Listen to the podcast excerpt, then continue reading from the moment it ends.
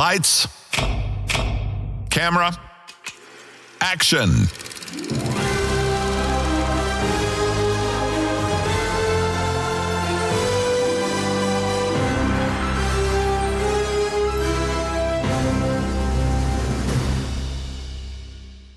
Eh, Dobrodošli v šesti epizodi podcasta Filmologija. Z vami smo Nikola, Žiga in Nec. Lepo zdrav. Živijo, živijo. Uh, imeli smo malo večjo pauzo, ker je poletje, ampak eh, evo, zdaj smo nazaj in uh, danes bomo pod drobno gled vzeli uh, fenomen, tako imenovani fenomen Barbenheimer. Zdaj, zagotovo ste že vsi slišali o tem, se pravi, to sta dva filma, ki sta išla na isti dan letos, torej 27. Barbie in Oppenheimer, ena od najbolj pričakovanih filmov leta. Tako da bomo malo podebatirali, kako je stanje, sta izpolnila pričakovanja, uh, če sta bila všeč nam, publiki in tako naprej. ne. Tako da uh, zdaj ob koncu podcasta pa nas ne prehitro zapustiti, ker boste slišali še kratek pogovor med Nejcem in uh, našim gostom Timotejem uh, o tem, kako je bilo pogledati film Oppenheimer na, tako kot si ga je zamislil Christopher Nolan, torej na največjem tem IMAX screenu v Pragi, ne Nejc. Ja, res je. Uh, ne bomo nič razkrili, uh, če vas tisto zanima, preskočite do tega, ampak priporočamo, da ti predtem poslušate. Tako, le vse poslušate, tisto pa je samo še pika na in. Tako da, Ja. evo. Uh, zdaj, kaj bomo rekli? Filmski Juli je bil v bistvu fantastičen. Ne? Se pravi, dobili smo Barbie, dobili smo Oppenheimera, dobili smo Misijo, ne mogoče sedem, še vedno je v kinih Indiana Jones, uh, tudi ta Pixarov Elemental. Uh, v Ameriki pa tudi sta izredno obiskana, vem, da žiga ga ima zelo v pričakovanju Sound of uh, Freedom, je, Sound of Freedom in eh, Talk to Me, nova grozljivka, tudi izvirna. ne. Tako da, uh, kdo pravi, ne, da se gre Julija na dopust? Julija se gre v kino. Je Ja, očitno res spektakel so najavili že eno leto prej, tako da dopust smo se že mogli skoraj rezervirati. Uh, evo, filme smo pogledali, občutki so tu, tako da Gremo v akcijo, nic ne. Ja, res je. Ja, zdaj, evo, tako malo mogoče na hitro številke. Se pravi, Barbie je v uh, kaj je to, slabih 14 dnevih preskočila mejo milijarde dobička.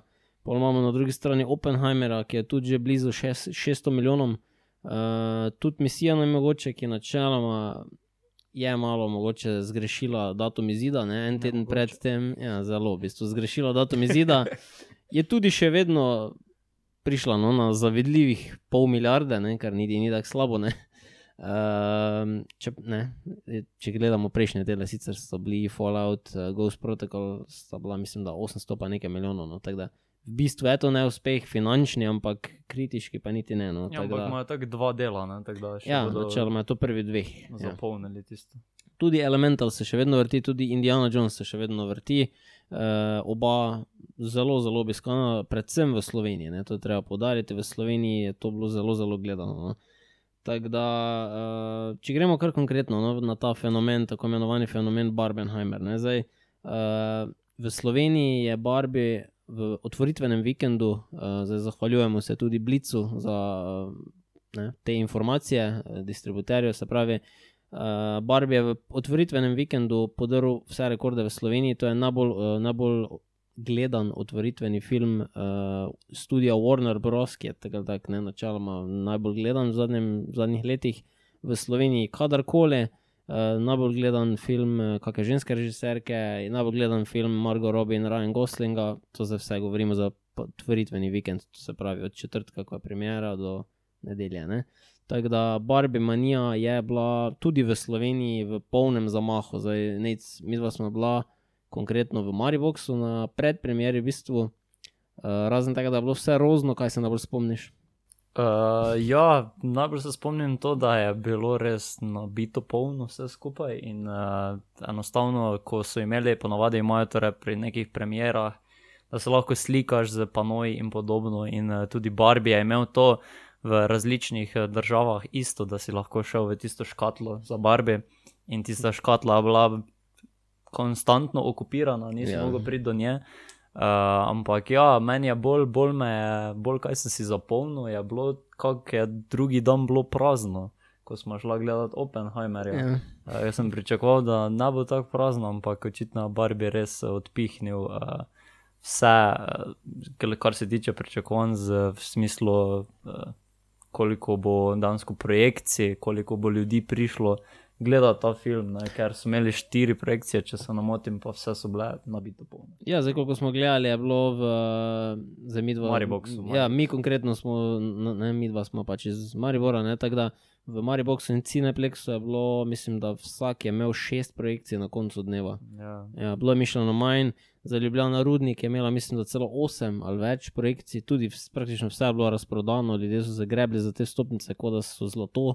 Uh, tako da zdaj, čemu to pripisujemo? Zdaj, zagotovo je bila odlična marketinška kampanja, ključ do tega. Ne? Definitivno. Uh, eno stvar še tu, jaz to dodam. Jaz sem za nalaž sem se izognil tej začetni gužvi in sem si film ogledal včeraj, torej eh, 14 dni po premjeri, CCA.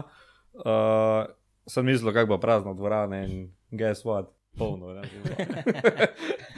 Tako da je bilo v bistvu res lepo videti. No, ne vem, kdaj je v bistvu bil na zadnje nek, nek tak film, da so ljudje pač trli, gledali mogoče Top Gun.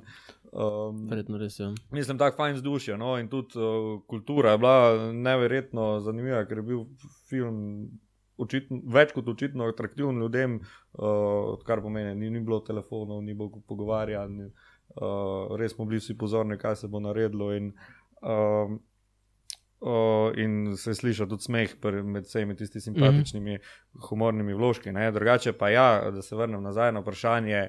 Uh, ključen del tega, tega filma je, je bila marketinška kampanja in tudi film sam po sebi je treba vedeti, da je marketinška kampanja. Ja, Barbie, zdaj ne govorimo konkretno. za, Ja. za Barbie igračo. Ja. Uh, zdaj, kdaj se je začela ta kampanja? Kampanja se je začela reže uh, enim, en, skoraj eno leto nazaj, ne, že z samo najavo, oziroma že pred najavo je bil film neverjetno zaželen in uh, atraktiven. Uh, zadnje, zadnje čase pa pač Barbie manija v pravem pomenu. Ne. Lepo je bilo lju- ljudi gledati v vsem ro, uh, rožnatem. ja, res je. Ja. Sploh uh, ženski del. Ne? Sploh ženski, da.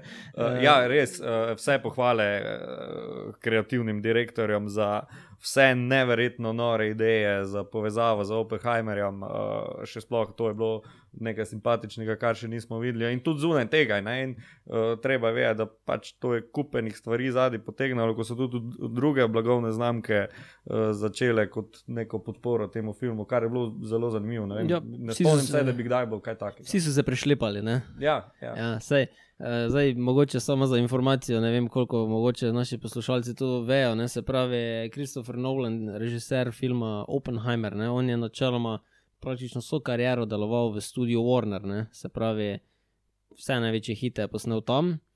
Zdaj, pri zadnjem filmu Tenet se je malo zalomilo. Uh, bil je COVID in ja, se vemo, leto 2020 je bilo nenavadno tudi z vidika kina, tako da takrat je bila dilema, ali ta njegov film, takrat Tenet, dati v kino ali ne. Zdaj, eh, studio Warner je želel takrat tudi malo mogoče promovirati svojo platformo HBO Max. So rekli, da bodo dali film na HBO Max, skregali, eh, se pravi, da bo hkrati v kinu in na HBO Maxu. Uh, Nolan se je skregal in ja, ni se dalo pobotati, se je odšel drugam in tale Oppenheimer je bil posnet z novim studijem, se pravi z Universal. Uh, prvi je najavil termin uh, filma, pol pa je Warner načeloma malo. Verjetno niso niti razmišljali, kaj bi to znalo za sabo potegniti, ampak so se malo tako poceni želeli ga malo ne prcati oziroma se mu maščevati. So dali na isti dan tudi Barbie premiero in ja, ostalo je zgodovina, ne nastal je Barbenheimer.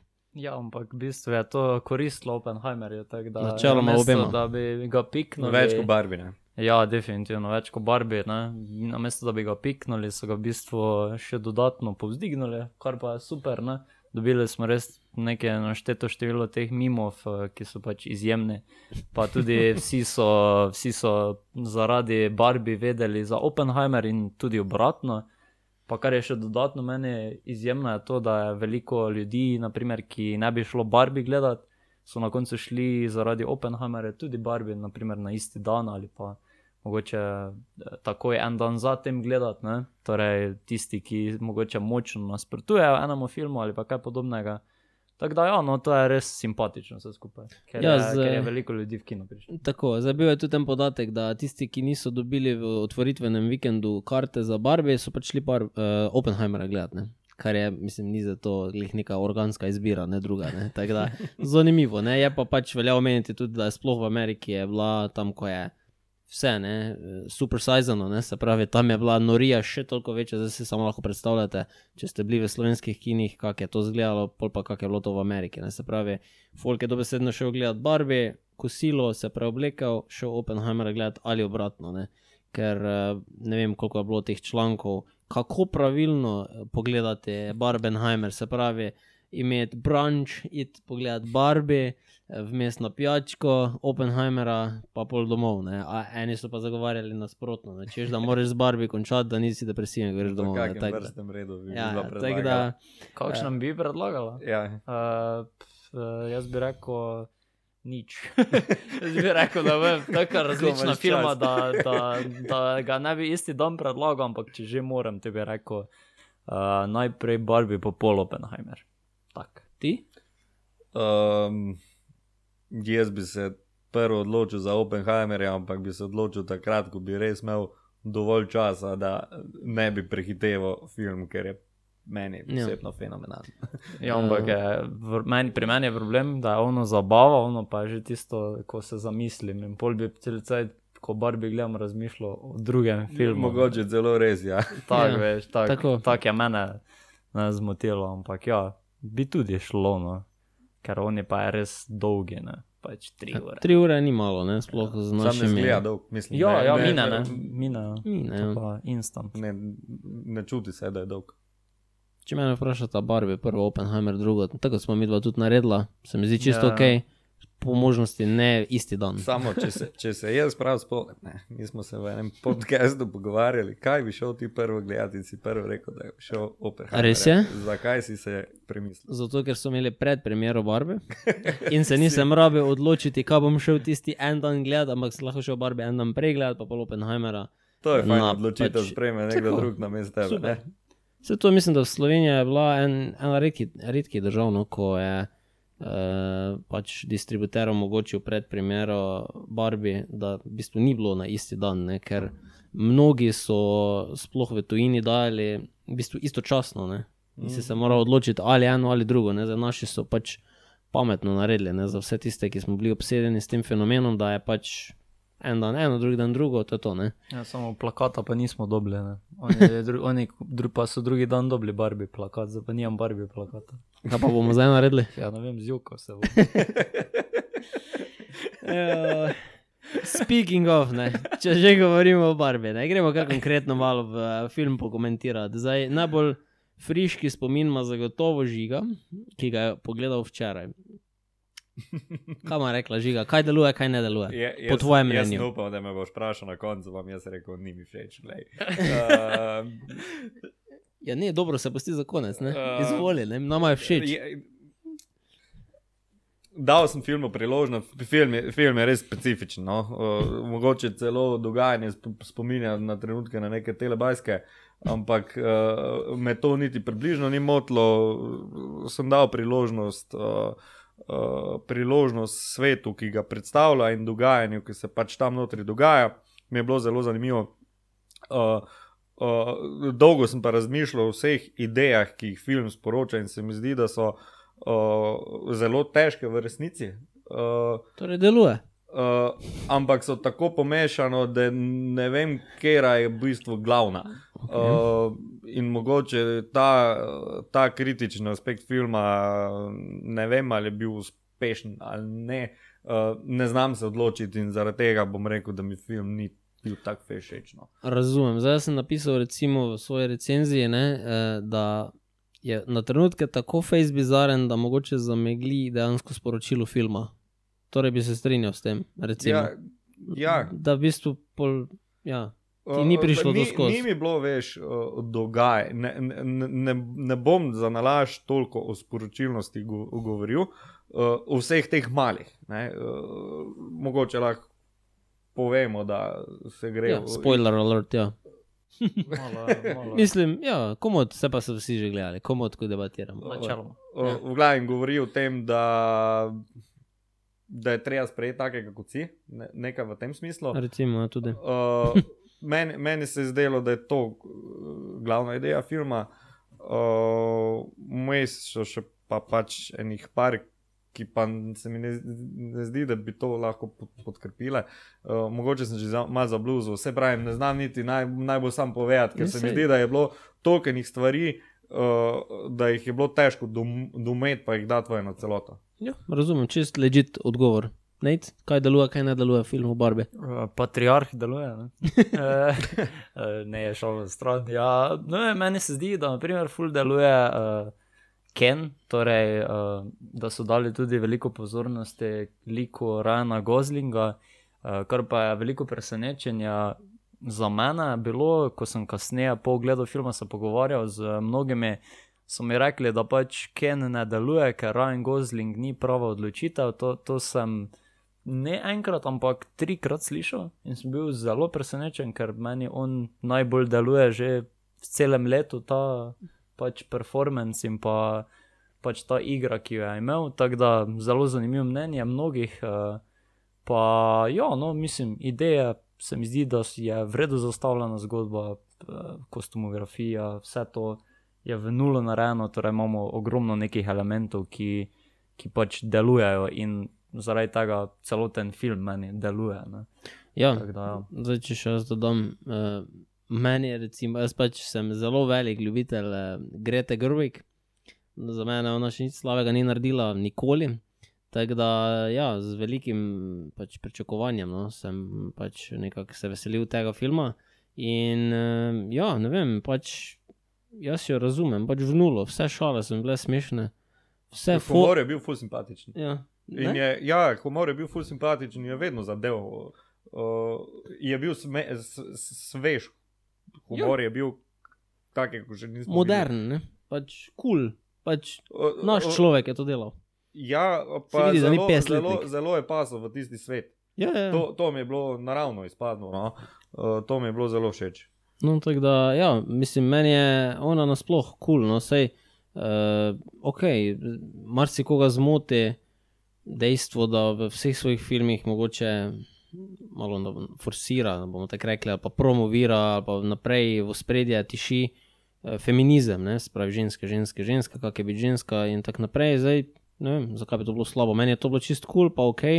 Uh, zelo simpatično so se lotili te uh, neke, pač te, nek, tak, tega problema, recimo, temo, tak, če temu tako rečemo, uh, kako kak pač ženska bi morala izgledati, kako bi se mogla obnašati, kako bi se mogla počutiti, uh, kak pač, kakšna je njena vloga v tem svetu. In uh, pač Barbie je v bistvu sinonim ne, v tem pr- primeru, v tem filmu za žensko, ne, se, ker Barbie je lahko karkoli, ne, tudi ženska lahko karkoli. In za mene je to pač sporočilo filma je, da pač smo kot civilizacija šli toliko naprej, da pač eh, ne bi smelo biti več omejitev po spolih za neke poklice ali pa funkcije na svetu. In eh, se mi zdi, da je to film zelo dobro dosegel, je bil odlično režiran, napisan, odigran.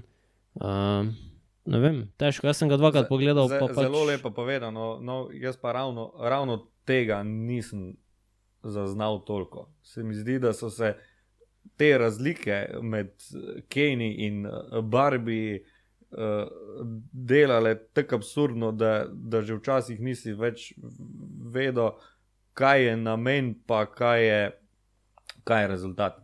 Razumem, kaj misliš. Ja. Uh, zdaj. Mogoče sem zaradi tega jaz tak. Ja, ja, ja. Uh, Se ni, mislim, čist. je pa res, da ti si ga gledal dvakrat, kar je. Jaz sem ga gledal dvakrat, pa me drugič v bistvu še bolj ganil, moram reči. No. Tako da, uh, zdaj, ne vem, mogoče si tudi jaz na robe interpretiram, ampak recimo jaz sem si vzel Kene tudi kot ženske, ne, v smislu, uh, ker Ken je plus ena, ne. se pravi, Barbie je vse, Ken pa je plus ena, ne. se pravi, Ken sam za sebe ne more stati, ker je kao nepomemben, ne. se pravi, njega določa ženska, ki, ob kateri stoji. Pač marsikje v svetu je pač tak, ne, da je pač moški je gazda, po domače mm. in ženska je pa pač tisti plus ena, pač to, da jo ima, da rodi, pa da ima otroke, pa da skuha, pa to je to. Ne? In, in, in ni, ne, pač, ne rabi biti samo to, ne, pač smo prerasli neke te čase. Uh, tako da, ja, okay, da, da, da zdaj ne zabluzim preveč. V glavnem, meni film odlično deluje, mi je zelo, zelo, zelo pri srcu. Um, in ja, težko sploh rečem, da kaj ne deluje. No. Tako da, če bi mogoče rekla, oba zmagovalec filma je v vajnih očeh, torej tvojih bom ugibal, da je Ryan Gosling. Ja, ni bilo potreba, mislim, ni bilo On je potrebe samo po Ken. ugibanju, on je ja, pač najboljši lagan.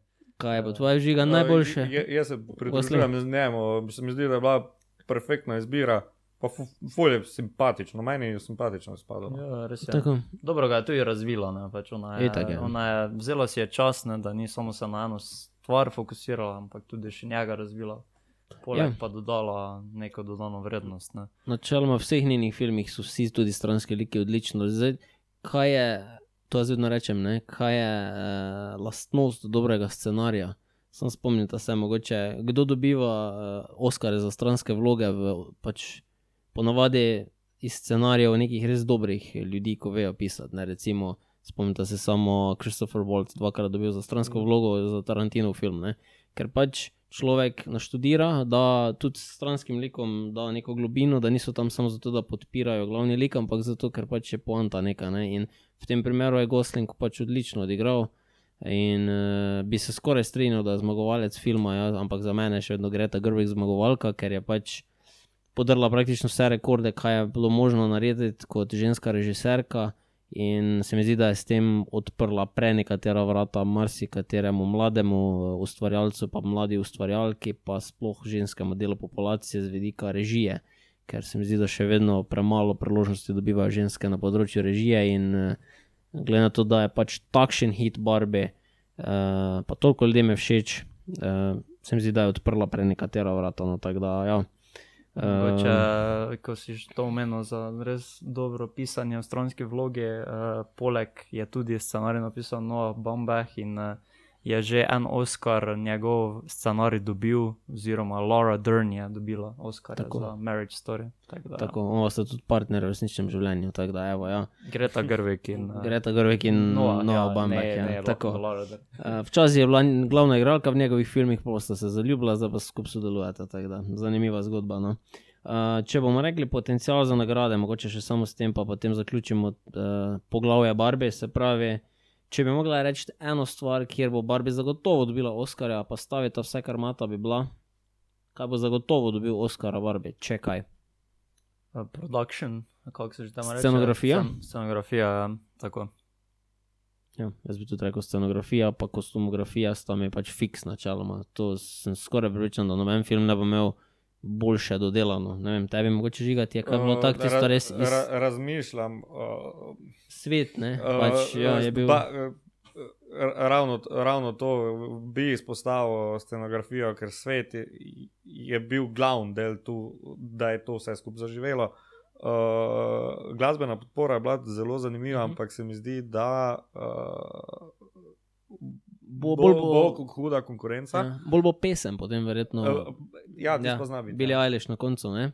Ali pa mogoče celo I'm Just Ken, ne? ne vem. Uh, ja, ki je tudi uh, že zdaj neki singl zelo popularen. Tako je, ne. Gosling je prišel celo na Billboardovo top 100 lestvico s pesmijo I'm Just Ken iz filma, kar je neverjetno.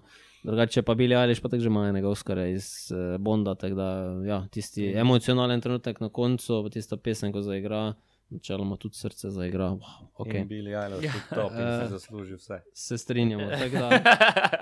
Da, ja, uh, zdaj, v čem Ja, ja, bodo. top. Spravi scenografija, kostumografija smo fiks, ne? se pravi, ne samo da bodo nominirani, zelo možno, da zmagajo. Gosling, skoraj zagotovo nominiran za igralca v stranski vlogi, bo v ožjem krogu favoritov. Uh, za scenarij, skoraj prepričan, da bodo verjetno nominirani. Kaj mislite, mogoče eh, kot režiserka, težko bo, ampak Mm, Mislim, da je mogla biti nominirana. močno leta je, ne? ampak ja. Ja, ja, bodo po moje jo spravili do tja. Dobro. Kaj pa Best Picture, fix nominacija. Ja, ja, Deset sigurno. filmov bo nominiranih za film leta. Če bo režija, Ja, bo če jih je Best Picture. deset, bo zraven. ne. Načeloma bi mogla biti. Ne? Uh, Les pa lahko povem, da ni moj favorit. Ja, razumem, razumem. Ja, Vse bo moje, ne bo imela šans, ampak eh, ja, bo pa tam. Preden zaključimo, še samo ena stvar. Koliko že? 15 minut govorimo o barbi, pa še niti ene stvari nismo rekli o Margo Robi. Ja, ker uh, je Ryan Gosling tako dober. Drugače, ena kratka, zanimiva zgodba je, ko smo z Nikolo gledali film, uh, je bila ena scena, kjer je igral Ryan Gosling kitaro Margo Robi. Pa se Nikola obrne do mene in mi reče: Wow, uh, kako tu dobro z- izgleda. Pa sem jaz rekel: Ja, pa Margo Robi tudi. Tako da, ja. Tako je šala. Šala. ne. Jaz se zobljiv vzdihi, ne vmes, če se spomniš, ne, ko smo gledali. Ko je brez majice Ryan Gosling, ki je krajna od zadaj naredila. Ja. Tako da, ja, Ampak ja, Margo Robi je fantastična. Se, Fantastična, vedno fantastična, Tu, tu ne. ne tre- ne rabimo izgubljati besed. Pač, tak, Pač pač, tak je dobra. malo jo že jemljemo za samoumevno, se mi zdi, ne, tak, Ja, eh, Ja, mislim, ne. pričakovanja do nje so neverjetna. Bi, bila, bi mogoče imela kako drugo igralko, ki bi, ki bi po vašem mnenju bil boljši fit za, za to Ne. vlogo. Meni je perfektno, Perfektno. Ne vem, popolno. Mislim, da ni boljše. Pač zdaj tista originalna Barbie ne izgleda tako kot originalna Barbie. taka Zgleda bolj, zgleda bolj taka eh, lepa, lepa, res tista glamour Barbie. Ne? Ja, ja. Ampak meni, meni, ne vem, jaz ko slišim Barbie, meni je bolj to kot pa tisto originalno. Absolutno perfektna izbira. Tako kot je bil praktično perfekten tudi Oppenheimer, naslednjo, uh, naslednja debata. Uh, prej smo dali žigu s prvo besedo, ne zdaj, zdaj pa tebe. Oppenheimer, kaj deluje, kaj ne deluje, ti je bil všeč.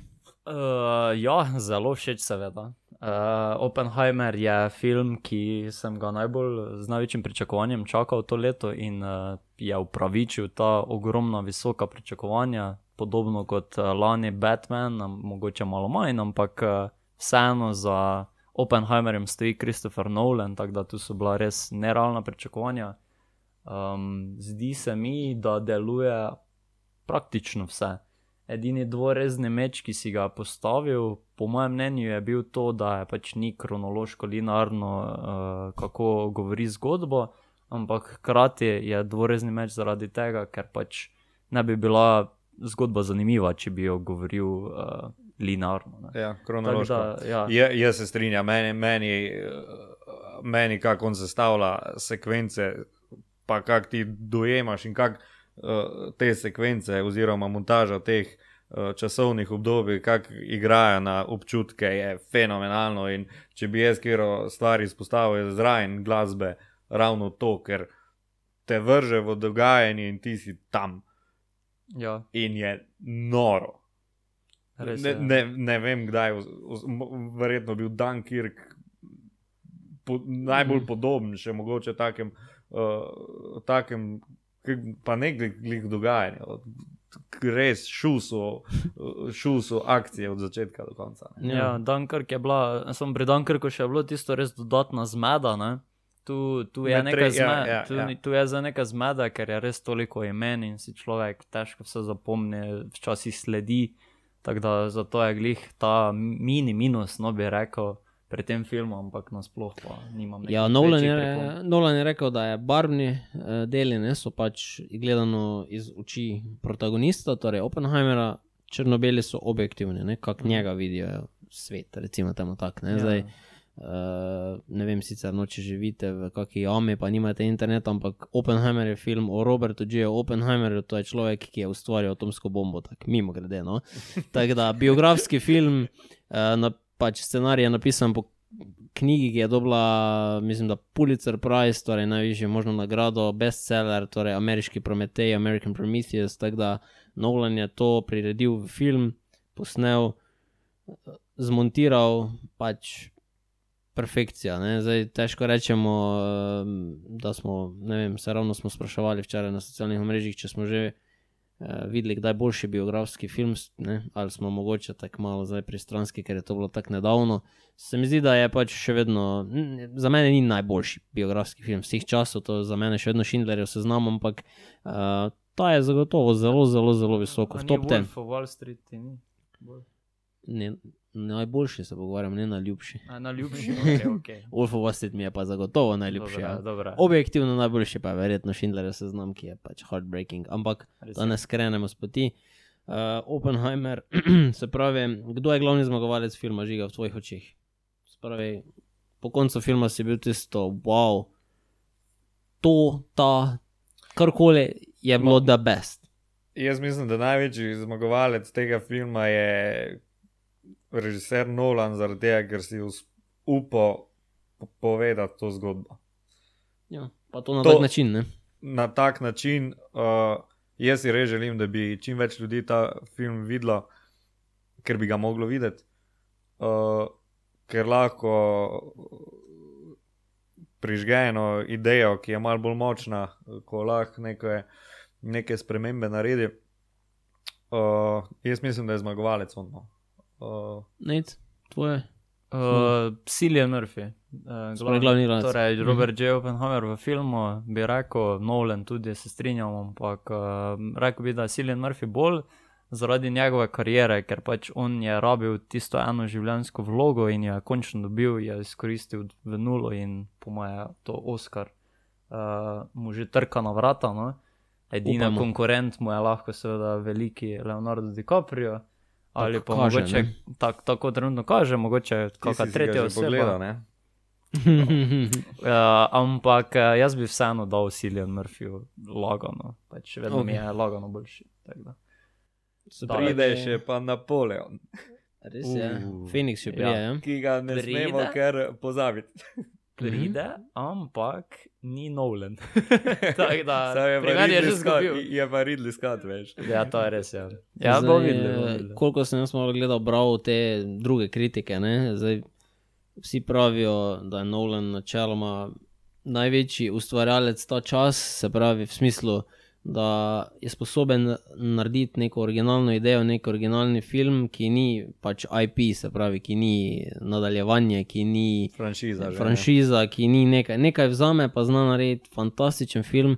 In da pač vsak njegov film je velik dogodek, tako da se mi zdi, da uh, bi nekako se spodobilo, ne, da dobi končno nekega Oscara. Ne? Ker če pogledamo, kdo pa ima boljšo filmografijo kot Christopher Nolan, tako v zadnjih 20 letih, se samo pogledamo, trilogija Batman, ki tudi če jo damo v stran kot kao, da to zdaj ni art, ne, pa je. Ima še vedno Dunkirk, ima še vedno Inception, Interstellar, uh, Memento, Presti, pač, zdaj, da se sploh menimo, ne? človek je mašina. ne, Tako da um, jaz bi mu zelo, zelo, zelo privoščil Oscarja za režijo. Se mi zdi, da je to vseeno bolj prestižen Oscar, ampak ne bi bil šokiran, če ga zmaga tudi za, za prirejeni scenarij, ker uh, vsi pravijo, da je bil ta scenarij napisan čist drugače kot katerikoli scenarij. Nekaj scenarije se ponovadi berejo, ta pa ta oseba je rekla to. Ne? On pa je napisal scenarij z, prvega, z prve osebe, se pravi, kot da pač mi beremo misli Oppenheimera, stopil sem v sobo ne, in tako naprej. Mm. Tak da, uh, plus pač tudi Best Picture, ne, saj tudi tam je on producent, ja, ni samo režiser, ni samo scenarist, je tudi uh, producent. Tako da uh, bi bil razočaran, če ne dobi nič od tega. Ni nemogoče, ker je dolga, dolgo še do Oscarja, no, ampak uh, ja, zagotovo je čas, da Nolan dobi Oscara. Se strinjamo, mislim, da ne. Jo, seveda. Zdaj, če mogoče, malo sem vaju v predpripravi želel dregniti, ne, se pravi, kdo je najboljši filmski ustvarjalec trenutno, ali je to Nolan, zdaj imate kakega drugega favorita, ste si kaj takega, ne vem, pač Scorsese že malo star, ampak ajde, no. Uh, ja, meni je Nolan, jaz ne bi rekel, da je za boljši žal. Pač Ja, razumem, ja. Ne, meni tre, je- trenutno jaz tudi mislim, da je Jaz Nolan. imam enega, ne, pa bi Ajde, se dalo kregati. Ja, Denis Villeneuve, ne. Uh. Ja, uh, ne. Povem je, en, povem je en film, ki ni pač 80, vsaj. Pač Ja, vsi so amazing, pri. Nolanu pa je, povem, je en film, ki ni 90. tako da. Pa se da. Meni Interstellar, pa ne vem za ubiti, Oh, ampak je je. 10 do 10, Da, to sploh ni pogovor. Ampak ja, Letterboxd, Tenet, guess, ja. Letterboxd platforma eh, ima eh, največ oboževalcev film Interstellar. Ja. Torej, Dobro, no, saj je- sveta največ oboževalcev. Jaz se je bilo tudi podatek, da na IMDB-ju tudi, ne, se pravi, najbolj popularni strani, ko ocenjuje filme, ima Nolan, edini režiser, ko ima v, 200, v top 250, ima v bistvu 8 svojih filmov, ne, 7 jih ima ta Scorsese pa mislim, Je, jaz niti ne vem, ko, koga bi lahko ob, ob bok postavil, če ne upoštevaš te stare mačke, Scorsese, Ridley Scott. Ja, za mene, me- za mene je Denis Villeneuve, ne. vseeno Dune je bil amazing, Aravel je bil amazing, ne vem, vsi so pač bili res, res dobri filmi, ne. pač Blade Runner 2049, to so pač fantastični Danes filmi. je šla novica, da je Ridley Scott užal, da ni režiral Ja, ja, ja. Prebral. Ja, sem lahko žal, ja. ampak hvala Bogu, da ga ni. Ja, mislim, meni je bil odličen. Ja, meni je bil drugi. Tako da, zakaj ne? boljši kot prvi. Ne, išlo se je v redu. Da, Ja, no, no, vse. To good. mislim. Ampak eh, realno je, naprimer, ne, to je tudi zanimivo. eh, Greš v kino ne, zaradi režiserja. Od mlajših režiserjev težko rečem, za katerega, oziroma za le redko, ne, recimo eno parih imam, ki Ja, ja. mogoče lahko to rečem. Normalno, Ja. vse. Meni je mogoče imel potencial Anderson, ne? Uh, Uh, Wes, ne? ja, ampak And it's gone. žal. Ja. Za mene je to Greta Gerwig. Evo, Greta Gerwig, ja, ajde. Dansko no. mlado Mislim, soraka, pač jaz bom vse pogledal, ne, pač amazing. Ja, za mene so ti Egersi, Robert Egers, naprimer, Ari Aster, ne? Northman, Northman. Tako. Dobro, Northman je bil. Dobro, Ari Aster mi zadnji film je malo zgrešil, ampak ja. Uh, so še, recimo Jordan Peele je tudi še en Jordan takšen, Peele, ki je v ZDA Kaj- bolj priljubljen. Kaj pa on tvoj, uh, Jojo Rabbit, kaj že? Ah, A ja, ja, samo on mi ni tako- dober. Ja. On mi ni tako On ima tudi eh, film, ko prije, zdaj v kratkem ven, tudi po resnični zgodbi, uh, Next Goal Wins. Ja. ja. kao ožjem krogu favoritov za Oscara, tudi če bo pravočasno ven prišel. Ja, tako, Uh, ne? ja. tako Love and Thunder. Ali... Ne, pa to je tista Marvel. Ajde, dajmo, dajmo, še, dajmo še potencial za nagrade. Se pravi, če bi mogla reči ena stvar, kaj bo Oppenheimer ziger zmagal Oscara. Ja, zdaj Je- nismo omenili Robert Downey Jr., nič, ampak No, ja, on je evo. en izmed favoritov, se mi zdi v stranski vlogi. Meni je sicer Ryan Gosling bil boljši, ampak ne vem, kaj bi vi ja rekla. Ryan Gosling all the way, ampak je bil Robert Downey Jr. odličen, pa tudi močna kampanja bo za njega, zato ker pač uh, življenjska nagrada. Ne? Ja. Ampak ja. Jaz mislim, da v tem filmu je vse navito tako daleč, da, da je pa pravzaprav vse perfektno za mene. No. Ne bi jaz samo njega izpostavil, bi izpostavil Ne, še, še, še vse ostale, ki so. Ne vem, Recimo. nimam niti besed, ki bi tak superlativ lahko dal. Evo, in zato imam jaz tukaj napisano nekaj. In sicer, kje vse bo Oppenheimer nominiran? Rečete ne, če se kje motim. Se pravi, zagotovo bo nominiran za Best Picture in je verjetno tudi favorit, da zmaga na Oscarju za film leta. Se strinjamo, ne? Ja. Pol imamo za najboljšo režijo, bo skoraj ziger nominiran, je tudi favorit, verjetno trenutno za prirejeni scenarij, bo ziger nominiran, glavni igralec Murphy bo zagotovo nominiran, pol imamo Downey Jr., bo zagotovo nominiran za stransko vlogo. Uh, največji fiks, po mojem, od vsega, da zmaga, je verjetno Glasba. Tako, se pravi, imamo original score, zdaj glasbena podlaga Ludviga Goransona, uh, pol imamo uh, ne samo score, ampak tudi sound kot tak, ne, se pravi Mhm. zvok, ki je bil ekstremno pomemben, sploh Ja. njega, na začetku tistih eh, ne, flashbackih, Fusiona in tako naprej. Uh, pol, uh, zdaj ne vem, če štejete, ampak mislim, da so že na 8. Oprosti, ja. ko prekinjam. Sta opazila, da je ne nehno nek zvok. Ne, to tebe nekaj v uhi zvonilo. ne, ne, skozi je neki zvok, ki, uh, ki ti občutke ustvarja, sploh ne pod, Ja, ja. po- podkrepi toliko dogajanja, ampak občutke ti dela, kako on to čuti. pravzaprav, Ja, ja. V, njem, v njegovi glavi smo, ne, načeloma. Ja. Ja. Uh, tako da, ja, no, evo, kaj še imamo takega, kaj sem si še napisal, se pravi fotografija slike, se pravi cinematografi. Uh, Hojte van Hojtema, ne, je to snimal na, to je njegov tesni sodelavec od Nolana, je snimal to, se pravi na IMAX-u, to so stokrat že povedali, se pravi na največjem možnem ekranu, kar bo več tudi Timotej povedal kasneje v intervjuju, kako je to izgledalo, ko gledaš prav. Uh, drugače pa tudi Emily Blunt omenjajo v stranski vlogi, da je bila odlična. Zdaj moram reči, da me ni prepričala do tiste scene, ko je pač zdrilala ovega, ko je zasliševal, ampak ne vem, če bo to zdaj dovolj glih za nominacijo. Uh, pol pa še imamo vizualne učinke, so tudi bili kar dobri. ne. Uh, Kjer Se ti misliš, atomsko bomo mogoče. Ja, to, eh, praktični učinki ja, so Ja, bili. bili so praktični učinki, so bili, no, ampak uh, montaža, ne, montaža je tudi zelo, zelo močen adut. Ne. Tako da, se ne vem, ali sem naštel 13 ali 12, v glavnem Oppenheimer, če bi mogli danes reči, najbrž bo najbolj nominiran film na naslednjih Oscarjih. No, ne. jaz osebno naj povem, da glede na to, kaj vse sem letos videl, bi za te nominacije dal skoraj vse, če ne vse njemu. Pač, Ja. Sej, dolgo smo imeli, zdaj v zadnjih letih smo imeli full tega, da se je Oscar talalo, se pravi, malo ti dobiš, malo ti, malo ti, da smo vsi zadovoljni, pa gremo vsi veseli domov. Lani je bilo po dolgem času tako, da je v bistvu Everything Everywhere All at Once pač uh, malo tako pometel, ne? se pravi, so kar pobrali večino največjih Oscarjev, pa pol pač ja, so drugi šli z dolgimi nosovi domov. Da, Vse naenkrat. Ne bi bilo, pa, vse pa so. Tako da ne, ne, bi bilo, ne bi bilo čudno, no, če Oppenheimer mogoče zdominira tako. No, ne vem. po drugi strani pa ne vem, težko si predstavljam, da bo triurni film o politiki in uh, znanosti ameriškega velikana prepričal vse. Ja, zagotovo ne bo, no, ampak vseeno bo po mojem dominacija večja, ker pač vseeno to, kar smo Ja. zdaj samo omenili, vem, no, Killers of the Flower Moon je bil tisti, ki je kolo bil veliki konkurent, pa meni se zdi, da v teh aspektih ni nikjer skoraj boljši. Meni osebno, Ja, ja. ampak ja. No, vse Oppenheimeru tudi gre na roko, da ga je ogromno ljudi videlo. ja. Uh, in uh, sploh za Best Picture, ko se glasuje, ne, se pravi, tam se razvrsti e, od 1 do 10 ne, filme. In zdaj tudi, če Oppenheimer na katerem tem listku, mogoče od koga ne bo enka, ne, ampak objektivno zagotovo ne bo slabše kot trojka ali pa res najslabšem primeru petka, ker pač. Če daš Oppenheimera, ne vem, od 1 do 10 na 10 mesto, ti mora pač listek vzeti, pa ti ne smeš več glasovati. Ali ne vem, mislim pač. Jaz mislim, Kar da nekaj. ja. No. Tako da, Ja. Um, vsem je bil všeč, torej. odlično. Najboljši film leta zaenkrat je torej. Ja, meni je ta. Spider-Man, novi Spider-Man. Ja, Ja, seveda. še vedno. Še vedno drugi najljubši Past Lives, potem pa šele Oppenheimer. Ok, Ja. dobro.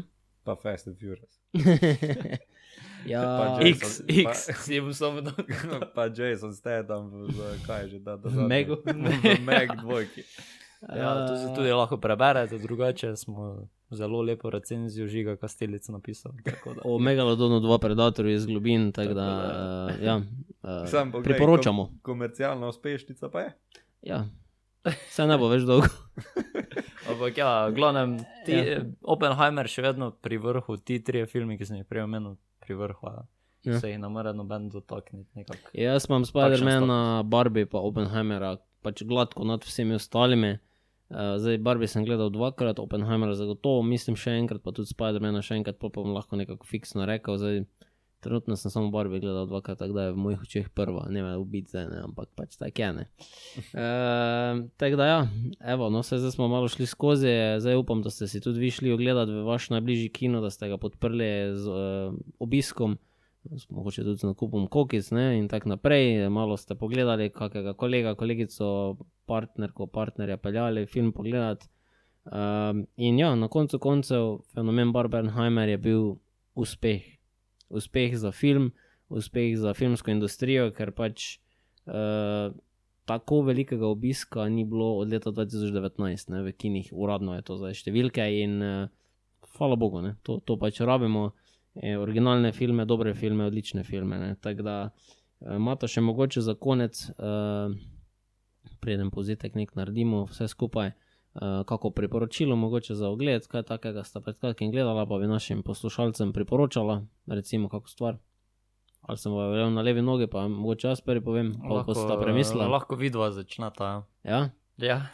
Ja, dobro. Jaz sem si napisal par takih primerov. No. Zdaj, uh, jaz bi priporočil zagotovo, sicer čist mogoče neobjektivno, ker sem velik ljubitelj košarke, ampak na HBO Maxu se je začela druga sezona serije Winning Time. Uh, to je pač pa načeloma po resnični zgodbi, kako so Lakersi postali dinastija. Zdaj, če pa gremo v filmski svet, glede na to, da obožujem Greto Gerwig, tudi Noaha Baumbacha, čas je, da se vrnemo nazaj v preteklost, pa si pogledamo Francis H., ki je odličen film. In uh, eden najboljših filmov vem, v tem tisočletju, če me vprašate, res fenomenalen film. Da boste videli, kako je Greta Gerwig dejansko bila tudi fantastična igralka, prednja postala režiserka. Um, tako da to bi bila moja dva predloga, Francis H. pa Winning Time med serijami. Moš ti kaj takega žiga, ti vem, da si zadnje čase- klasike gledal. Uh, Kera klasika ti je bila najvšeč? Zadnje čase gledam večinoma Marlon Brandona, pa Jackie, Uh. uh, Jackie Chana, Bruce Lee. Close enough. Zdaj si, zdaj si me čist uh, nepripravljenega dobil. Ne, veš kaj, razmišljal sem, uh, nisem vedel, kak je slovenski naslov. Uh, Divjak, Wild One je naslov, Aha, okay. Marlon Brandon. Uh -huh. Uh, zelo zanimiv film. Uh, tak, še zdaj aktualen. Gre se o neki uh, bajkerski, bajkerskem gengu, no, ki uh Mhm. -huh. pridrvi v eno mesto in tam pač naredi kažin. Uh, full fine film. No. Uh, Prestane te iz časa. ja, jaz mislim, da ja. Ja. Uh, marsikaj iz tistega časa prestane.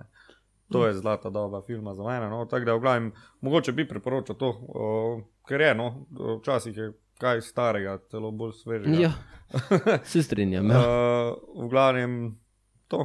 Uh, pa veš, Ja. kaj sem še gledal, uh, par dni nazaj. Wolf of Wall Street, Amazing, ne? the best. The best, pač.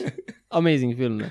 Klasično 10 od 10. Ja. Ajde, ne zaključi. Ja, jaz se tudi pridružujem uh, špiletu tukaj z uh, klasikami. In sicer sem gledal nedolgo nazaj, sem si vzel 3 ure in pol, da pogledam Seven Samurai oziroma 7 samurajev. Uh, In uh, moram reči, da je uh, odličen, perfekten. Uh, Priporočam ogled, ampak uh, če smo že pri Akiri Kurosavi, pa še bolj priporočam Ikiru, ki je prvi film, mm -hmm. ki sem Mhm. si od njega pogledal, pa mi je en najljubših uh, nasploh. Ja.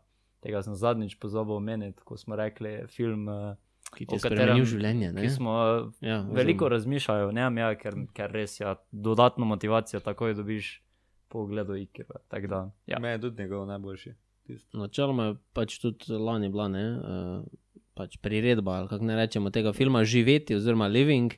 Uh, zdaj, tudi to je prišlo pred kratkim na HBO Max. Zaradi priredbe sem si pogledal film in Mhm. mm -hmm. sem bil tak, eh, zakaj bi gledal priredbo, če lahko gledam original. Original je stokrat boljši, Mhm. mm -hmm. ker sem oba pogledal. Ja. Se strinjam. Uh, te pa dajmo zaključiti. Hvala vsem za posluh. Ostanite še z nami, no, ker še sledi intervju uh, Nejca in uh, Timoteja. Uh, tako da prisluhnite o tem, kako je bilo Oppenheimera pogledati v Pragi na največjem možnem platnu in kako je vse skupaj pač potekalo in uh, kako je Timotej to doživel. No. Tako da se slišimo v kratkem, lepo bodite in uh, nasvidenje. Dio. Ja, ja. Ja, lepo zdrav, lepo pozdravljeni. Z, man, z menoj je tukaj eh, Timotej Strlič, ki je bil na Oppenheimerju in sicer na posebni izdaji Oppenheimerja. Eh, Več o tem bom bo povedal v kratkem, in eh, zaradi tega smo tudi se odločili, da ga bomo malo izprašali, kako je bila ta izkušnja, da še vi vidite malo, če se vam splača v Prago peljati. Tako da, ja, eh, malo se predstavim, mogoče res na hitro, pa povej, kako je bilo, ne? torej v Pragi. Mm, Ok, torej jaz sem uh, doštudiral sem medijske komunikacije, zdaj pa študiram na AGRFT uh, filmsko produkcijo, tako da me je vedno nekako film zanimal, uh, že od malega pač. Uh, tako da mi je bilo nekako prirojeno, da sem za vsako projekcijo, za vsak film, ki pride ven, se pač dosti pozanimam, preden grem dansko gledati. Um, in situacija pri Oppenheimeru je bila taka, da ga je Christopher Nolan, režiser, pač hod, izdal v določenem formatu, ki je lahko viden samo po 30-31 eh, kinodvoranah po celem svetu. Eh, tako da je res velika redkost, da, da ga v bistvu vidi kdo v takem formatu. Um, jaz sem pač čist, čisto brainstorming sem šel, šel sem gledati prvo IMAX okoli mene, sem našel, ok, Zagreb, Graz, ampak noben ni ponujal tistega formata, v katerem je pač bil intendant. In to je pač uh, 70 mm IMAX, uh, 15 onih uh, perforacij, kako se reče, v bistvu trak, koliko je širok. Uh, in to je torej teh 31 držav, in najbližje nam je v Pragi ta dvorana. Uh, in potem smo pač s kolegi malo brainstormali in smo se dogovorili, pač to je res neki taki once in a lifetime event, ko ne vemo, kdaj bo naslednjič uh, v takem formatu pač film izdan. In smo rekli, da če mu že imamo radi to, to kot film, pač gremo. Timotej, povej nam, uh, kako pa, je, kako pa si dejansko lahko dobil vstopnico za to, ker naprimer eni uh, kreatorji pravijo, da je zelo težko dobiti vstopnico, da trenutno sploh ne moreš dobiti ali pa kaj takega. Tako da, kako ste si sploh rezervirali to Rantono? Ja, um, v bistvu je bilo tako, da jaz sem kontaktiral direktno to dvorano uh, v Pragi, um, Cinema City se imenujejo njihove kinodvorane. In sem pač pisal, pisal direktno na Cinema City in sem pač vprašal prav za to njihovo specifično dvorano, v katerem formatu bo. In so me oni potrdili, da bo v tem, ki pač je reklamiran, uh, ker vseeno smo pač hoteli vedeti, preden smo, preden smo se spravili, da se ne bi za brez veze vozili konc konca. Um, in so jim potrdili, uh, pol pa sem, pol pa sem jih prosil za link od njihove official spletne strani za rezervacijo kart. Uh, sem dobil official link, sem si naredil račun um, pol pa vola ti vrže ven stole, uh, lahko tudi screenshot pošljem, ti vrže ven stole in potem pa zasedenost. In uh, situacija je bila taka, da če bi hotel rezervirati iz dneva v dan, ne vem, iz danes na jutri, pač ni šans. To mogoče dobiš kakšen stranski sedež, pa tudi vse od spredaj je bilo zasedeno, ne vem, pač ni, nič ni bilo vraj. In pa sem šel pogledat po datumi, samo sem šel čim dlje, čim dlje, in potem vedno dlje, ko greš, vedno manj zasedenih, in pol pridem tam za en teden naprej, da sem gledal nekje, in pol sem imel končno, da se je šesta, peta vrsta, četrta, da so se sprostile, tudi malo bolj proti sredini. Uh, zdaj za ta določen IMAX format pa je optimalno vse, kaj od šeste vrste gor načelno. Um, ampak peta je imela glih tisti neki sweet spot, sredinski sedež, tako da smo si potem vzeli peto vrsto in tri sedeže in še vedno je to bilo Mislim, ne rekel, da je bilo preblizu, je bilo kar blizu, pač vseeno, ko, ko gledaš gor, pa ful težko si je predstavljati, ker sam sebi ta IMAX format ni sam širok, ampak je tudi ful visok. Ja. In pač glava ti gre gor dol, pač niti ne vidiš spodna, podna, v bistvu imajo spodaj tako grajice, ker je v bistvu kot nek balkonček in ne vidiš, kaj se spodaj dogaja, pač screen gre še dol, še dol. Um, Ja, so, da... so sem gledal tiste, naprimer, mimi, ko so bili, uh, ko je on je v prvi vrsti ja. in je gledal ta gor in je bilo vse raztegnjeno, ne, praktično. Ja, ja prvi, prvi vrsti ne morem, ne, ne, ni šans, da bi bil. Pač prvi vrsti se je, polk dobesedno so se vsedli, so noge dali gor na ograjo in so tako gor gledali, ker, ker pač imaš tak, mislim, ne gre drugače, moraš ležati na položaju, da vidiš sploh, ok. Ja, dvorana pa je, torej, polna vlana. Ali... Dvorana nabita. Dvorana nabita. Mislim, da so tri do štiri skriningi na dan, za malo celo štiri, ker je popraševanje ful visoko in je polno čistak skrining. Mi smo imeli skrining ob 10 pa 50 do poldan. Je bilo polno, na neki random ponedeljek ali torek. Ja. Pač tega si naj bi znal predstavljati v bilo katerem drugem kinu. Ne vem, da bi bilo tu v Sloveniji, bilo kjer, ali pa v Avstriji, ali pa na Hrvaškem, ni šans, da bi bilo v poldanski uri pač tako gužva. To mi je bilo ful fascinantno. Da. In folk se je vozil, prav slišal si jezike iz cele Evrope. Pač. Ja, to je res fajn. Ja. Mislim, se nasploh so se kinodvorane ful zapolnile zaradi teh dvojnih. Tega dobrega pičera, ko je bil več Barbenheimer, ampak ja, Oppenheimer je bil kar uspešen. No. Uh, reči mi, kako pa je bilo vzdušje, naprimer pred filmom, uh, zdaj v sami kinodvorani, uh, ali pa v vaši ekipi. No?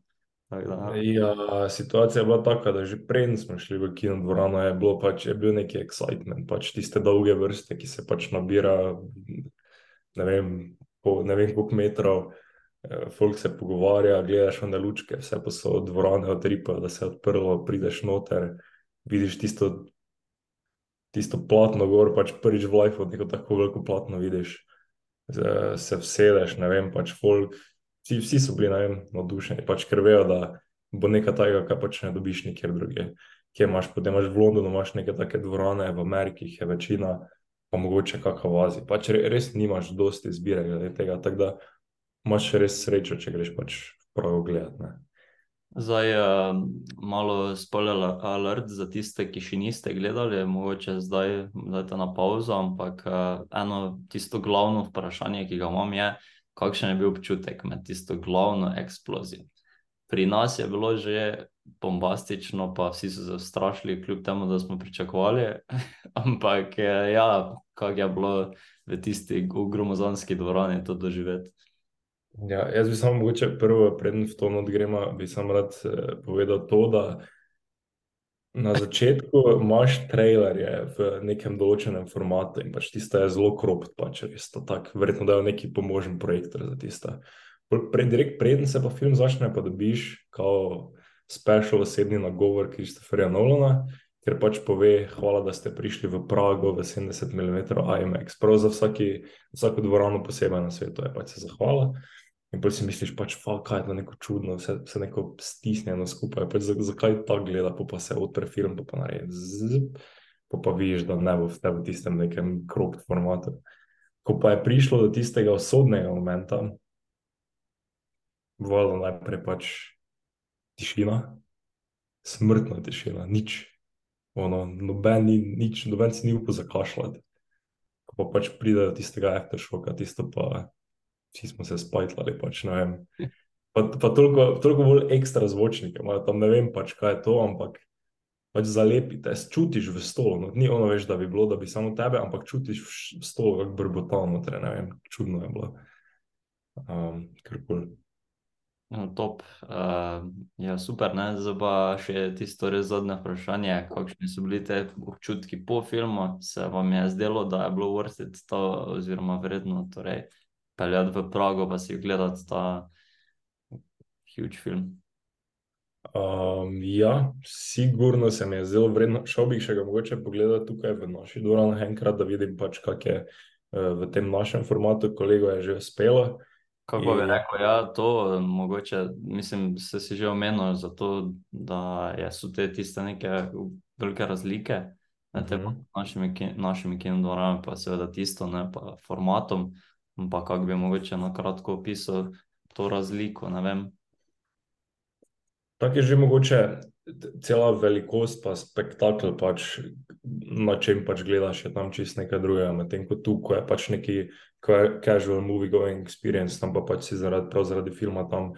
Plus to, da če ti gledaš na analogu, tako kot je bilo pač tam na tistih ogromnih kolutih gor, vidiš imperfekcije dejansko. Ne more biti čista slika, če je analog. In pač vidiš, ne vem, se tu pa tam kakšna črtica pojavi ali pa kakšna packa gor za tri sekunde, pa pol zgine. In pač to je tudi se mi zdi nek del experience, če greš pač film gledati, to je bilo včasih fora filmov, da imaš te imperfekcije, ne?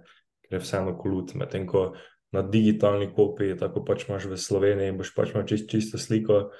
Ampak ne vem, drugače. Meni men take stvari, na primer, zelo spomenijo, ko grem pač gledati, ker sem pač entuzijast. Uh, ne vem pa, kako drugi folk na to odreagira. Je pa, je pa ful bliže, pač. Mogoče, uh, prosim, da prekinemo, ampak bliže mogoče kakam, recimo, festival experience, ne? Naprimer, če greš na kakšen festival, pa ga ta gleda, tam pa še vedno neki unikaten, čist po svoje, ne? Mm -hmm. tako, ne? Ja, um, ne, pač ne vem, težko je. Tako že film sam po sebi, zgodba, pač, ki jo ki pač slediš, je zelo ekstra. Pa tako Nolan, že na splošno, mislim, tak, veš, kak so njegovi filmi. In pač na koncu smo dobesedno, vsi smo pač. Vem, da imaš filmov na TikToku, pa ne vem, kako folk odhaja v tišini, pa že ne z dvorane, ampak pač to ni daleč od resnice. Pač folk je bil tiho, ne vem, mi, mi tudi se nismo nekaj časa pogovarjali, pač ko smo ven prišli. Ker ker te zanima in pač ta format in tri ure tega formata, pač ti si not, ti nisi. Jaz sem vmes pozabil, da sediš v Pragi, neki dvorani, pač si not filma in ne vem, ker, ker je ekstremno. Dodatna imerzija, neka, torej, da si čisto poglobljen v film. Čisto poglobljen, res je. To, je, to, je, to ti naredi ta format, sigurno. Ja, super, vrej. Uh, Mislim, da je na tej točki končali. Hvala ti, da si zelo časno. Pa če še kdo, če še koga kaj zanima, ga seveda lahko vpraša, specifično, kaj nismo ja. tukaj, veri, predvidevam. No? Da, ja. Če ne pa no. nas, pa bomo mi posredniki. Tako da, ja, no, hvala še enkrat, pa ja, spremljate nas na vseh kanalih. Adijo. Hvala, John.